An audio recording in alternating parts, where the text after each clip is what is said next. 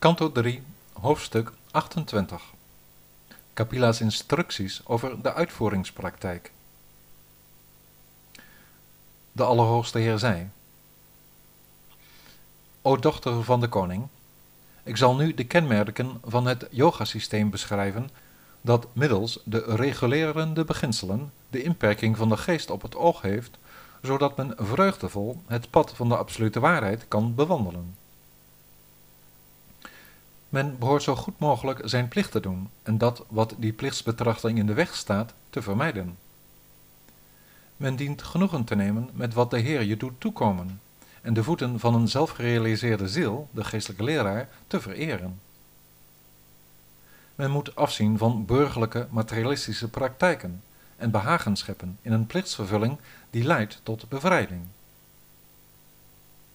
Zo ook moet men weinig en zuiver vegetarisch voedsel tot zich nemen, steeds in afzondering leven en de vrede van dienst zijn.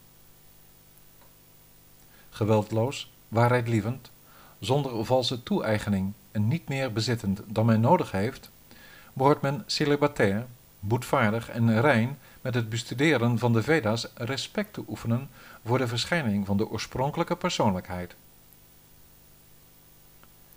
Stilte in acht nemend en stabiliteit bereikend in de beheersing van yoga-houdingen en de ademhaling, moet men zich geleidelijk aan terugtrekken van de voorwerpen van de zintuigen en de geest op het hart richten.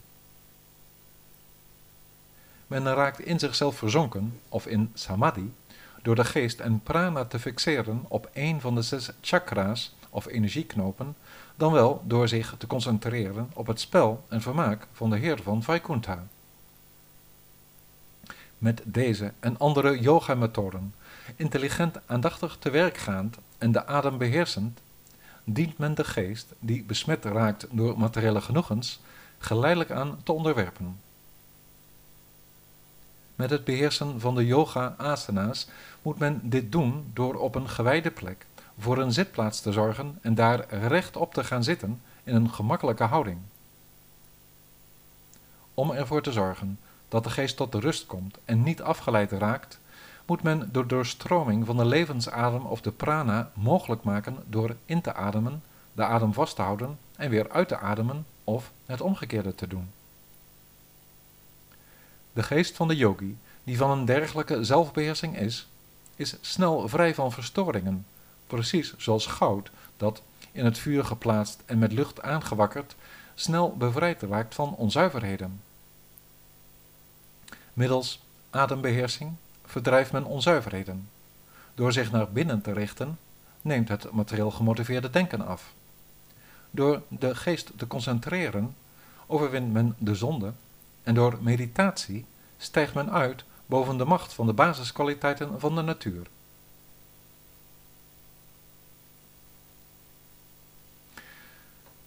Als de geest gezuiverd is en beheerst wordt door de yoga-praktijk, behoort men, terwijl men kijkt naar het puntje van zijn neus, te mediteren op het doel van de Allerhoogste Heer.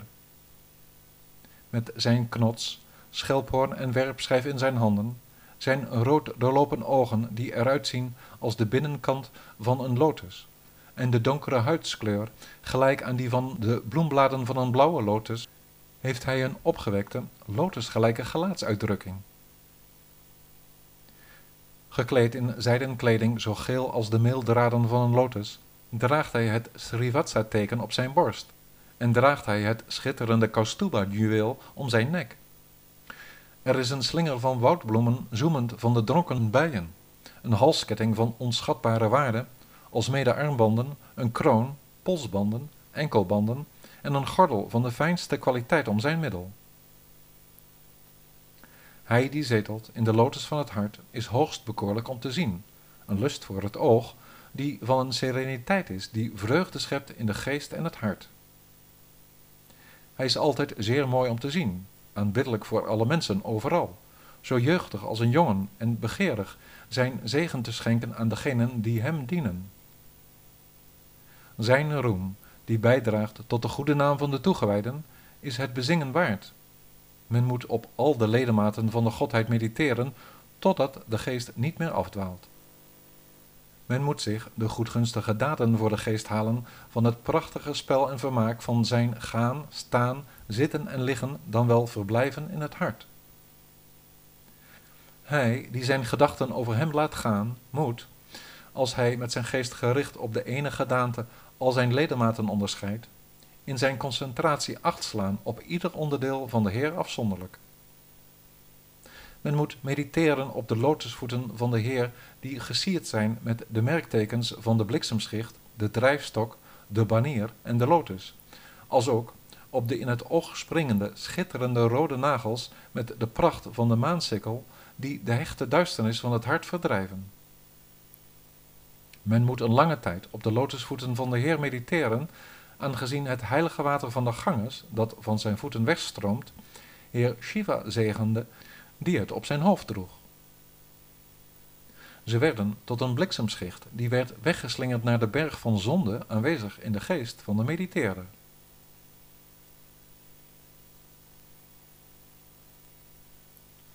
Men moet in het hart mediteren op de godin van het fortuin, Lakshmi, de lotusogige moeder van het gehele universum, geschapen door Brahma.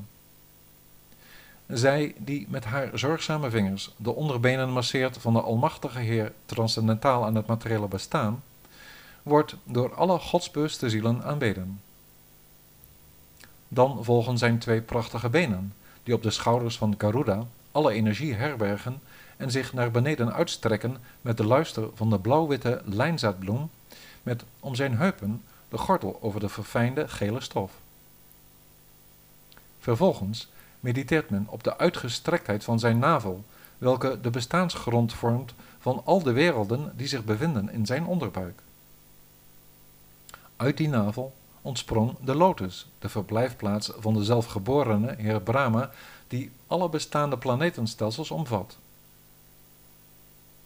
Men moet mediteren op de twee uiterst delicate tepels van de Heer, die als smaragden zijn in het witte licht van de parels van zijn halssnoer. De borst van de Heer van de wijsheid, waar Mahalakshmi zich ophoudt, verschaft de geest en de ogen van de mensen al het bovenzinnelijk genoegen. Men moet zijn geest ook richten op de meditatie van de hals van hem door het hele universum bewonderd, die de schoonheid verhoogt van het Kaustuba-juweel. Men moet ook mediteren op zijn armen, waar de heersers van het universum hun bestaan aan ontlenen en waarvan de versieringen gepolijst zijn door het ronddraaien van de berg Mandara, als ook op de oogverblindende schittering van de Sudarshana-werpschijf met zijn duizend spaken en de zwaangelijke schelphoorn in de lotushand van de Heer. Men moet zich de strijdknots van de Allerhoogste Heer in gedachten nemen, die de naam Kaumudaki draagt en hem zeer dierbaar is, besmeurd als hij is met het bloed van de soldaten van de vijand. Ook moet men aandacht schenken aan de bloemenslinger die gonst van de bijen eromheen, en het parelsnoer om zijn nek, dat het principe vertegenwoordigt van het zuivere, levende wezen. Men moet mediteren op het lotusgelijke voorkomen van de opperheer, die zijn verschillende gedaanten in deze wereld aannam, uit mededogen voor de toegewijden, en op de glinsterende krokodilvormige oorhangers, die weerspiegelend zijn vooruitstekende neus en zijn wangen kristalhelder belichten. Vervolgens moet men aandachtig het geestesoog richten op de gratie van zijn gezicht, dat opgesierd is met veel krullend haar, en op zijn lotusogen en dansende wenkbrauwen, die een lotus omringd door bijen en een paar zwemmende vissen in het niet doen verzinken. Hij die een hart vol van toewijding heeft, moet lang mediteren op de vele blikken van medeleven in zijn ogen, want die blikken vergezeld door de overdaad van zijn liefdevolle, genadige glimlachen, verzachten de drie beangstigende vormen van ellende die men zelf veroorzaakt, die door anderen wordt veroorzaakt en die door de materiële natuur wordt teweeggebracht. Op de hoogst weldadige glimlach van de Heer, die de oceaan van tranen doet opdrogen van alle mensen die in hun verdriet voor hem bogen, moet men mediteren als ook op de welving van zijn wenkbrauwen, daar die voor alle wijzen door zijn inwendig creatief vermogen werden gemanifesteerd om de god van de seksualiteit te verbijsteren. Gemakkelijk te mediteren is het overdadige lachen van zijn lippen, die de pracht toont van zijn kleine tanden die gelijk een rij jasmijnknoppen zijn. Met toewijding, zijn geest verankerend, moet men vol van liefde voor hem en met niemand anders voor ogen op hem mediteren, Heer Vishnu, die zich ophoudt in het hart.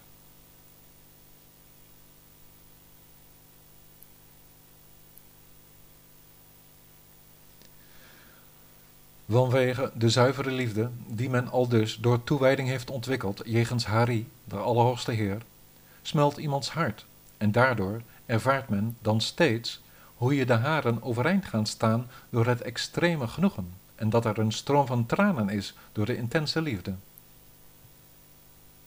In die staat geeft het denken als een vis aan de haak het geleidelijk aan op.